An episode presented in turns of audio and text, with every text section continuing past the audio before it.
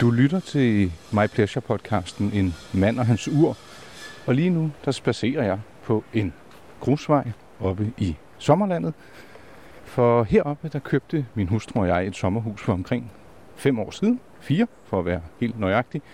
Og i dag, der skal jeg ned til en af dem, jeg har fulgt lidt på afstand og i de senere år tættere og tættere. Han hedder Claus. Han er omkring, hvis ikke lidt over 70 år. Og han præsenterede mig for nylig for et ur, som han har haft i vældig mange år, og som også rummer nogle gode historier. Og det er netop de historier, jeg nu vil ind og tale med Claus om. Velkommen til. Så, Claus, nu har vi øh, faktisk talt i en time, inden vi overhovedet kom i gang med det, det egentlig hele øh, det skal handle om i dag. Jeg vil godt have lov til at spole tiden tilbage, 53 år tilbage. Og inden vi kommer til dit ur og dit køb, kan du ikke lige fortælle mig om, hvad det var for en tid for dig for 53 år siden? Hvad lavede du, og hvor boede du, og hvad drømte du om? Jeg var jo studerende på andet år på DTH, så hed det dengang, altså DTU hedder det i dag. Og jeg boede hjemme hos mine forældre sammen med min storebror og lillebror. Og vi boede i Vium og havde ikke ret langt til DTU, så det var naturligt, at vi boede hjemme så længe som muligt. Det var heller ikke til at få øh, et kollegeværelse, hvis man kunne bo, altså boede så nær ved. Nej. Øh, og vi øh, var, efter, efter jeg købte uret i 67, var jeg på en tur, ferietur sammen med min storebror og en kammerat, hvor vi kørte i min fars bil ned igennem Europa ned til Schweiz og tilbage igen. Mm. Øh, inden vi kommer til det omega-ur, som vi skal tale om i dag, så kunne jeg godt tænke mig at vide, hvad du havde på håndledet inden. For du havde et ur inden. Det var ikke dit første ur. Nej, det var mit andet ur. Jeg havde et sådan et typisk skoleur, Teknos-ur. Det vil jeg tro, min far har købt hos urmager øh, Holm, som lå lige ved siden af Virum Torv. Øh, og det har nok kostet omkring en, ja, mindre end 50 kroner, vil jeg tro. Virkelig? Ja. Oh, all right. Men jeg ved, at du, øh, du arbejder i postvæsenet, men det er jo ikke på fuld tid, mens du læser. Det var så et, et studiejob, hvor jeg var ekstra bud. Mm. Og jeg har en kopi af en, en af lønsedlerne, der kan jeg så se, at jeg fik så 10 kroner og 63 øre i timen. Og i det år i 67 tjente jeg i alt, fordi jeg nu gik øh, en del i sommerferien, og omkring 5.500 kroner. Og jeg betalte jo ikke ret meget skat, fordi det var så lille en indtægt. Men var, var det en fin indtægt for en studerende dengang? Jeg mener, det var godt nok. Der var godt nok nogle af mine studiekammerater, som, som pralede af andre job, hvor de havde tjent op til 100 kroner i timen, men det var vist nok kun ganske få timer ad gangen. og hvad det så var, de lavede, det, øh, det behøver vi ikke at komme ind på. Jeg husker noget med en ven, der også var nitroglycerinkyndig, men... ja, det tror jeg ikke, han tjente på. Nej. Øh, Claus, du, du, du har den her postrute. Du tjener nogle penge. Du er tilfreds med det, men lige pludselig så så beslutter du dig altså for, at du vil købe et ur med kronograffunktion. Hvordan opstår den idé? Det har jeg så prøvet at grænske min hjerne for at finde ud af, hvorfor det netop var det, jeg brugte så mange penge til. Og det kan jeg faktisk ikke huske. Men jeg tror, jeg har været fascineret af det med at få et stophudsfunktion i et armbåndsur. Ja. Og så havde jeg så den fordel, at min øh, skolekammerat Jørgens forældre havde en urmagerbutik, hvor jeg kunne få en lille smule rabat. Ja, og det, så det var ikke mærket, der sådan nødvendigvis tiltalte dig. Det var kronograffunktionen, du synes, der var interessant? Det tror jeg bestemt, ja. Mm. Så, så hvis de havde foreslået et andet fabrikat, havde jeg så gået efter det. Altså, jeg fulgte jo min, min øh, rådgiver i form af Jørgens forældre. Ja, så øh, det, det var hos dem, du så uret, det var ikke en annonce, eller... Nej, jeg har, tror bestemt ikke, jeg har set nogen annonce for det. Nej, du køber det den 6. juli 1967. Og det koster 738 kroner efter en flot rabat på 10 procent. Ja. Øh, det var jo dengang, hvor man både havde navn og titel og adresse på købscertifikatet. Her stod Polyt Claus Christensen. Ja. Øhm, jeg mener, at du også har fortalt, at der knytter sig en lille historie til vedkommende, der har underskrevet fakturen. Ja, det er jo så øh, Jørgens mor, øh, som før levede den dag i dag, 95 år gammel. Øh, hun arbejdede i butikken, da først øh, børnene var, var blevet studerende og blevet store. Mm. Så. Og det var jo, øh, din vens far var tredje generations ejer af den her forretning. Ja, altså butikken Ludvig Indbe Hansen. Ludvig Indbe Hansen var øh, Jørgens oldefar. Ja. Og jeg, har- ham har jeg selvfølgelig ikke mødt, men, øh, men bedstefaren var stadigvæk aktiv øh, i butikken, og han, han faldt øvrigt om en dag i en høj alder, jeg tror han blev over 80, altså, så faldt om i butikken og, og døde. Så det Nå. var en meget smuk død, altså at, at dø på sit arbejde. Ja, og hvis man øh, kigger oppe i øh, hjørnet, så kan man se, at de øh, øh, havde til huse i Store Strandstræde. Ja, i et meget gammelt hus fra 1700-tallet, Ja, og det findes stadigvæk, og nu er der en eller anden skummelbar indrettet i butikken. Men øh, men, men de, de, udover at sælge et Omega-ur til dig, så ved jeg også, at de havde en anden flot, altså det var jo ikke et salg, det var nærmest en ugentlig gang på en flot, flot stor matrikel. Ja, øh, firmaet havde i flere generationer serviceret Amalienborg, og, og jeg kan huske, at Jørgens far, han tog jo altså ind på Amalienborg en gang om ugen og trak uger op, og sørgede sig selvfølgelig for at øh, tilse dem og tage dem med hjem til reparation, hvis det var nødvendigt. Mm-hmm. Ja, det har vel været alt fra standerure, måske også lidt armbåndsure og sager, Øh, ja, i hvert fald, jeg tror ikke, at han har trukket armbåndsure op for folk, men, men øh, men serviceret dem. ja, det har han jo nok gjort, ja. Øhm, hvis vi springer tilbage til dit ur, du vælger uret med stopursfunktion. Ja. Og den øh, fungerer, men, men bruger du det aktivt, eller er det bare at, at købe det, fordi det er der, og det ser lidt godt ud? Jamen, jeg tror ikke, jeg har brugt stopfunktionen særlig mange gange, men jeg har været glad for at have den. Altså, Ja, det, Og, men, som jeg siger, jeg kan ikke helt huske, hvorfor jeg netop har brugt penge på det ur dengang. men altså, det, der er mange, der også vælger et kronografur, øh, i hvert fald dengang, fordi de var lidt større, og det har jo et lidt andet udseende. Der er lidt mere mekanik at se på. Der er ekstra viser, der er ekstra subdials, som man kalder det, som viser. Altså, det, det kan noget mere. Jo, til gengæld kunne den jo ikke vise dato, Nej, og det var heller ikke selvoptrækkende. nej.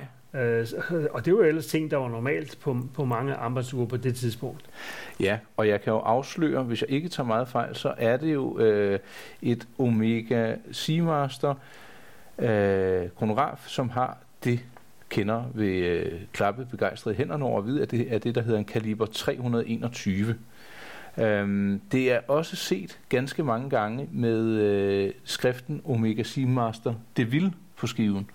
Øh, og der var der en øh, Omega-kyndig, der fortalte mig, at det, det gik man ikke så meget op i hos Omega dengang, om der lige stod det vilde på skiven eller ej. Men øh, umiddelbart så blev øh, ur, uret introduceret til øh, Omegas internationale sortiment eller kollektion tilbage i 1962. Og øh, diameteren på uret, 35 mm, som er ganske stort for den tid. Et klassisk Omega-ur lå typisk på øh, 33 mm, så 2 mm, det lyder ikke af meget, men i diameter, så giver det altså lidt. Øhm, ja, det er også blevet lavet i både øh, gul guld og rød guld, og øh, ja, så har du jo så den variant, der er lavet af stål. Du har uret. Hvordan reagerer dine venner og bekendte på, at du har købt det her ur? Det kan jeg ikke huske. Jeg, jeg vil tro, at mine forældre har syntes, det var tåbeligt at bruge penge på det, men, men øh, det var jo mine egne penge, og, og så jeg, jeg kan ikke mindes, at jeg har fået øh, knuppet ord for det. Nej. Og jeg tror da nok, at folk synes, det var et fint ur, men øh, om det, jeg, jeg tror heller ikke, jeg har købt det sådan af prestigegrund. Jeg tror, jeg har købt det, fordi jeg havde lyst til at have sådan en ur. Ja. Øhm, nu kommer vi til noget, jeg synes, der er spændende, fordi du har vist mig nogle billeder, hvor du har været ude at rejse, hvor du sikkert ikke har skænket det en tanke, at du havde det ur med, men det har du alligevel haft. Så jeg kunne godt tænke mig at vide, hvad uret har oplevet med dig i de mange, mange år, du har haft det.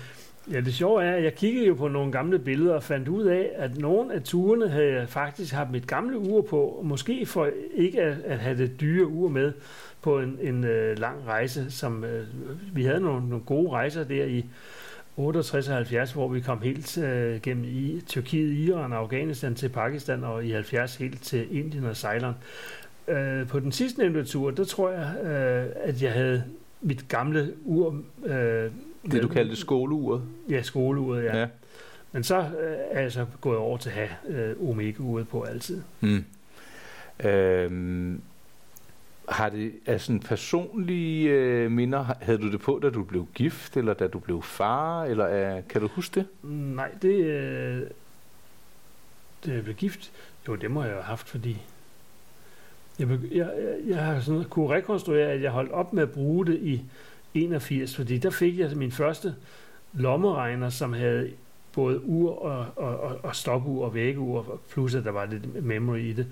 Og, ja. og det faldt sammen med, at Omega-uret øh, begyndte at, at være lidt svært at trække op. Det kammede over, og så fik jeg den der lommeregner, og så, øh, jamen, så lagde jeg Omega-uret væk. Så det har altså været i brug siden fra 67 til 81.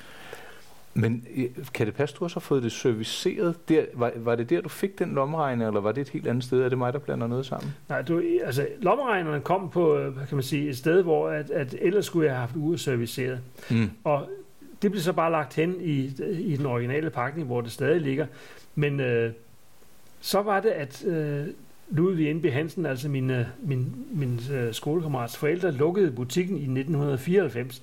Og lige inden da, der var jeg inde med uret for at få det repareret. Og så øh, sagde Jørgens mor, om det tror jeg, vi kan klare på stedet. Og så bragte hun ind i butikken, som for var specielt, fordi man kunne se ind til arbejdsbordene, hvor urmagerne sad. Uh, I baglokalet, på ræde og række? Faktisk var det ikke et baglokale. Det var, der var ikke nogen væg. Man kunne se direkte ind. Det var et langt lokale, hvor uh, man kunne se ind til de her arbejdsbord. Nå, men hun afleverede det til, jeg har givet det til vores bedste dame, siger hun så. Og så øh, gik der et kvarters tid, så kom hun tilbage med det, og det var selvfølgelig gratis for, de, for gammel venskabs skyld. Men det betyder, at uret i dag er fuldt funktionsdygtigt og kan trækkes op uden vanskelighed. Og du overgår så til den her lommeregner. Den kan simpelthen, på trods af, at du har gået med uret i ja, knap 20 år, den, den, den lommeregner vinder din kærlighed, og du fortalte det sådan i en kreditkortstørrelse cirka. Ja, det var meget, øh, meget lille, og øh, øh, var kun et par millimeter tyk, så den var meget mindre end en moderne smartphone. Ja. Øh, men den fandt plads i min brystlomme, og det, det er der, mine, mine smartphones også ligger i dag. Ikke? Mm. Men, øh, så kom du ikke til at savne dit, dit ur, når du havde gået så meget med? Faktisk øh, var det en lettelse, fordi jeg, jeg havde nogle gange gener af at gå med uret på armen. Ja. Øh, I øvrigt synes jeg også, der var et, et sikkerhedsproblem. Nogle gange var jeg på, ude på fabrikker på opgaver, og jo flere ting man havde, som kunne tage fat i noget, jo mere risikabelt var det. For eksempel, altså jeg har stadig min hvilesring i meget, meget fin stand, men det er fordi, jeg, jeg holdt op med at gå på, med den på et meget tidligt tidspunkt, og det, det accepterede min kone selvfølgelig. Altså det var sådan, at sikkerhedsmæssigt, du var bange for, at du skulle blive revet, eller det, en maskine kunne få fat ja, i uret, ja, eller? Ja, ja. Oh, no, okay, så der har også været nogle sikkerhedsmæssige øh, foranstaltninger ja, ja, altså, med det. Det, det var i hvert fald noget, som gik samme retning som det, at det faktisk generede mig med at gå med et armbåndsur. Ja. Uh, hvis jeg, jeg kom til at kigge over på dine noter, Claus, og hvis jeg siger, du må lige rette mig, hvis jeg tager fejl, men Tanzania, sukkerfabrik, sultne øjne, skuffet mand. ja, det var en af de gange, hvor, hvor jeg ble, fik en kommentar om det her uge. Der var en, og hvad, hvad år er vi, vil du tro? Det har været 1900 og... Lad os se. 78 eller 79. Ja. ja. Der var jeg øh, på arbejde på det, der hed TPC, sukkerfabrik, AP Møllers sukkerfabrik i Tanzania. Og der var så en kasserer, som en dag så mig med det her ur og siger, øh, det, det det ur kunne jeg godt tænke mig, hvad skal du have for det? Og så sagde jeg et eller andet, måske lidt arrogant med, at det i hvert fald var ikke til salg. og øh, så der skabte jeg mig faktisk en uven, altså ikke at det betød noget, men... men øh, men hvad, ja. det, det, men øh, nu har jeg lavet en anden podcast med en, øh, en øh, mand, der også var udstationeret, som købte et Omega-ur i Ghana. Han kunne have købt sit eget, selvom det så ikke var i Ghana, men i Tanzania. Altså, det, tror du, han var sådan en krejler, der prøvede at slå en, øh, en hurtig handel af? Eller det, det var ikke hver dag, man sådan får tilbudt, at en fremmed vil købe ens ur? Nej, men, men øh, altså, der var, der var generelt på det tidspunkt øh, store leveringsproblemer af alting i Tanzania. Der var mangel på alt, fordi man, man kørte en planøkonomi, som var øh, fejlslået. Så nogle gange kunne man ikke engang få for eksempel spiseolie. Nå. Så øh, jeg tror bestemt ikke, han havde mulighed for at købe et Omega-ur i en butik. Nej. Øh, og så, så var det selvfølgelig oplagt at, at, at prøve at få nogen, øh, ja, altså jeg har det flere gange, købt ting med, som nogen, jeg, jeg rejste frem og tilbage mange gange, så, så folk kommer og så siger, kan, kan du skaffe det her? Ja. Og for eksempel var der en på et tidspunkt, der kom med en, en brillerecept og sagde, kan du få lavet en, et sæt briller efter det her? Han havde været i Kenya og fået lavet sin brillerecept, men kunne så ikke få lavet brillerne i, i Tanzania. Og så fik jeg den, den, dengang lavet, øh, eller Jørgens forældre lavede også briller, så jeg fik lavet et par briller. Han havde et stel, som han skulle have sat glas i, og det fik jeg så lavet. Og jeg er sikker på, at jeg fik en god pris efter danske forhold, men det var også et problem, da jeg så kom med det, så synes jeg, det var, det var meget dyrt. Det kunne han have gjort for billigere i Kenya. Så sagde jeg, det, det skulle du da have gjort. Oh, ja. ja. Du takker nej til det tilbud. Øhm, du rejser hjem. Når jeg kigger på øh, uret i dag, så øh, det er jo i flot stand. Der er en boks med, der er det originale certifikat. Men når nu du oprindeligt ikke gik efter Omega, du gik efter noget med en stopursfunktion. Det blev du Omega. Kan du øh, sætte nogle ord på, hvad, hvad du har lært om Omega som mærke? Altså har det, har, har det fungeret upåklageligt? Er det kvalitet? Jeg ved, du, du er jo selv en, en mand, der går op i kram og ordentlige sager. Ja, for mig har det jo fungeret upåklageligt. Men det pudsige er, at øh, Jørgens far, han øh, var, solgte virkelig mange Omega-uger, var, var næsten hvert år nede på Basel og Mustermesse, hvor han så besøgte de her, øh, altså Omega ligger vel i Basel, ikke? Øh, ja, jeg kan ikke huske om det der, men der er i hvert fald en messe hvert år, der hedder ja, Basel World. Og, og han, han prøvede flere, i flere omgange at påvirke Omega, fordi nogle af deres uger øh, mente han havde en svaghed, som kunne afhjælpes. Og altså, der kom nogle konkrete forslag til at ændre nogle detaljer, som altså var øh, servicekrævende. Selvfølgelig ville han miste kunder ved det, men, men øh, altså ved ikke skulle reparere det, men han ville godt have, at ugerne kørte bedre. Og det blev altid af, afvist ganske hånligt. Altså Schweizerne vidste helt sikkert bedre, øh, så de var Ej, ikke interesserede i at få sådan en tilbagemelding. Nå. Det kan jeg huske, at han, han har fortalt mig. Men jeg, jeg lavet mig fortælle, at der har været mange af Omegas værker førhen, da det gik lidt for hurtigt, og at, øh, at, at det var slet ikke den samme kvalitet, som for eksempel det værk, der sidder i det ur, du har. Det var det med de tre og fire ja. cifrede kaliber, ikke? Ja, ja. og hvor man også kan se en helt åbenlys forskel på værker, når man åbner, det er slet ikke den samme detaljerigdom og finesse. Nej, så det er nok noget, det han har påpeget, ikke? Og så, ja. Ja. Øhm, en læderrem holder jo ikke i øh, så mange år, og der sidder en rem på nu. Hvad er det, historien er med den? Ja, øh, Uret fik en øh, kort øh, renaissance i 2002, hvor jeg skulle til Kina sammen med øh, en ven for fra Afghanistan. Og øh, der skulle jeg så flyve en lang tur, og der havde jeg så øh, jo gået over til at bruge min telefon som øh, ur. Ja. Men det var jo længe før, at, at telefoner fik flight mode, men efter at man skulle have, havde forbud mod at have telefoner tændt i fly. Ah, ja. Så for at have et øh, ur, så øh, tog jeg så mit gamle Omega på, og havde det så med til min Kina-tur. Men der var rammen godt nok, øh, den havde jo sådan en gammel lederrem, der har ligget øh, i en æske i, i 15-20 år. Den er jo ikke særlig velegnet, så jeg benyttede lejligheden til at købe en ny rem i Shanghai. Og den var sikkert ikke særlig dyr, men øh, det er den, der sidder på i dag. Um, du kommer så hjem fra Shanghai, så ryger uret af igen? Så ryger uret af ned i æsken igen, ja. Og nu kommer det lidt store spørgsmål, så hvad, hvad skal der ske med uret? Jeg, jeg, jeg, jeg, jeg har på fornemmelsen, at det kommer ikke til at få en renaissance. Jeg kunne håbe på, at du tænker, ej, nu har vi talt så meget om det, og der sidder nogle minder i uret på med det igen. Ja, men det, det vil ikke ske. Altså, jeg har så øh, min, øh, min smartphone, og når den slipper op, så vil jeg købe en ny smartphone. Og så har jeg så også et øh, sådan et sportsur der. Ja, sådan et Garmin? Ja, det var en Garmin. Øh, hvad, hvad hedder det nu? Vivo. Et ja, ja. ja. Men øh, det, det er en af de, de, de små modeller, ikke? Altså mm-hmm. Garmin. Og Øh, det er inspireret af, at min søn han har et øh, ret avanceret Garmin, som er dykkerurs udgave, så det er jo en helt anden størrelse og, og, og prisklasse. Men, men funktionerne, øh, når man er på landjorden, minder jo meget om det. Og der har jeg da glæde af, at hvis jeg går tur eller cykler, så bruge den GPS-funktion, der er i det til at logge, hvad jeg nu foretager mig. Men ikke engang det går jeg med hele tiden, fordi jeg, jeg generelt ikke bryder mig om at have, have noget på armen. Nej. Oh, jamen, så, så kan jeg jo godt regne ud, jamen, skal du, skal vi sige det til salg? Er, er det ja, noget? er bestemt til salg. Ja. Det er helt sikkert.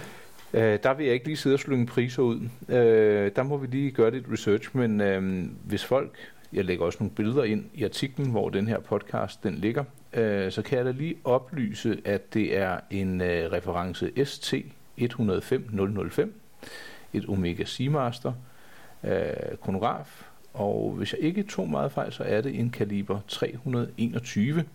Jeg har set dem til alt mellem 20 og 40.000. Det var en lille indikator, og så, øh, så taler vi ikke mere pris nu. Nu vil jeg nemlig godt høre, Claus. Du er 72, 73. 73 år. Tiden som fænomen. Hvordan øh, anskuer du tiden, hvis du kigger tilbage og ser, hvordan var tiden, da du var yngre, ung, skole, job og så nu?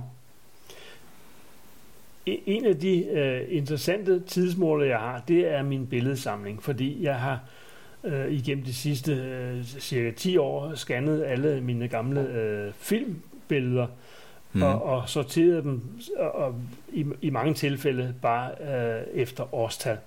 Og øh, det giver jo en meget, meget interessant indfaldsvinkel i, i ens eget liv, at man kan sidde og, og se billeder bare ved rulle op og ned igennem arkiverne. Og så kan jeg så se, at tiden, da jeg var ung, gik jo meget langsommere end nu, hvor jeg er blevet ældre. Øh, og det er ikke bare fordi, jeg nu er pensionist, det er så faktisk først blevet i år, øh, og selv nu, øh, altså mens jeg stadigvæk var erhvervsaktiv, der synes jeg, at tiden gik hurtigere og hurtigere. Altså, og det skyldes nok, at man har, man har øh, oplevet tingene før, og så går den ene dag efter den anden, uden at være, være særpræget. Mm.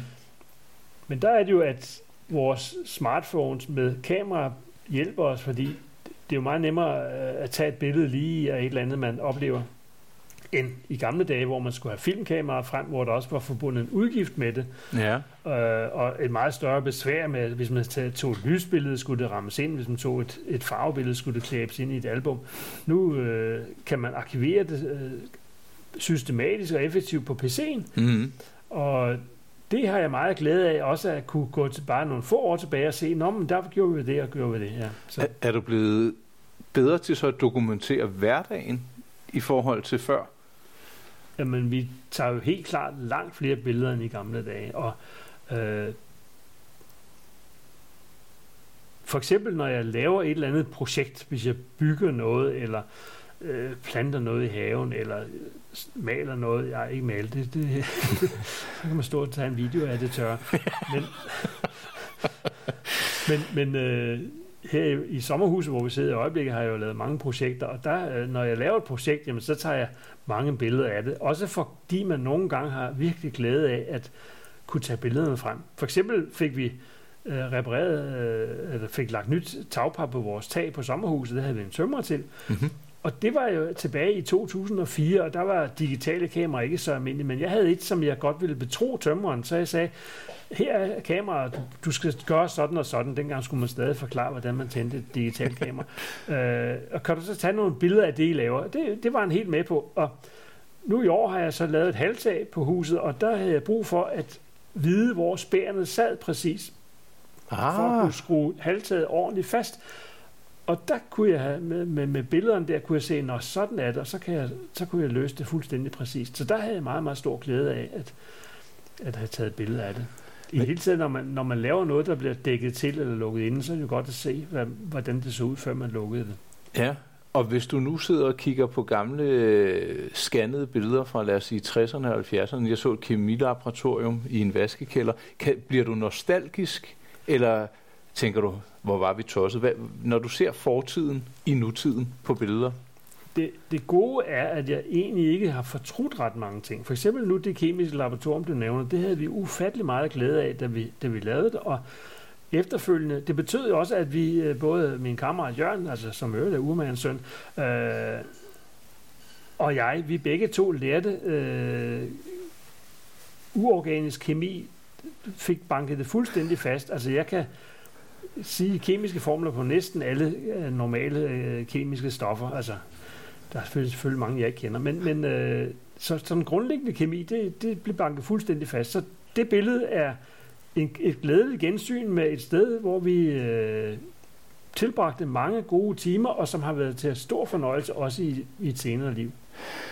Jeg synes, at vi kom vældig fint omkring øh, dit ur jeg håber, at jeg må øh, låne et elektronisk foto, for eksempel fra Afghanistan, hvor man kan se uret, og så vil jeg da krydre den her podcast med, jeg tror, øh, din e-mailadresse, hvis man vil høre videre om salgspris og så videre. Jeg kan, man kan også skrive til mig, så skal jeg sende dem videre til Claus. Men øh, det blev til 24 minutter og ja, faktisk 25 til en øh, samtale om både et syn på tiden, men også et ur, der blev handlet øh, i samme periode, det fik jeg beskrevet til dig, hvor øh, Beatles, de rasede med store hits få dage, jeg kan ikke huske, om det var før eller efter, øh, du købte uret, der udgav de et, øh, et meget, meget kendt album, og jeg skal se her, skal du se. Det kan være, at jeg lige må... Tre dage forinden, den 3. juli, der fortæller Wikipedia, at den socialdemokratiske regering under Jens Otto Krav indfører moms i Danmark. Momsen er på 10 procent. Jeg tror, det var oms, de indførte. Ja, det er typisk i Wikipedia, om det var oms eller moms. Ja, fordi det, det, det kom i, i, i to trin, ikke? Altså først fik omsætningsafgift, og så ja. så mere senere mere omsen, mere værdiafgiften, som vi har i dag, altså så øger det sat op, ikke? Men, men øh, jeg kan ja. huske, at vi, øh, vi vidste jo, at den, den ville komme, og derfor købte vi en, så vi havde alt det konserve, vi skulle bruge vores sommerferietur, købte vi uden oms. Er det rigtigt? Ja, ja. Så sparede vi de der 10 procent. Jamen, der kan man bare se. Det, og det var, det var få dage for inden. Men øh, Claus, tak for din, ja, sjovt nok tid. Det har været øh, en fornøjelse både at, at, at tale med dig i de sidste par år, men også i dag, hvor vi er blevet klogere på dit ur. Og øh, jeg tror, med de ord, så vil jeg afslutte den her podcast-episode af En mand og hans ur, optaget i Smidstrup Strand den 21. juli 2020.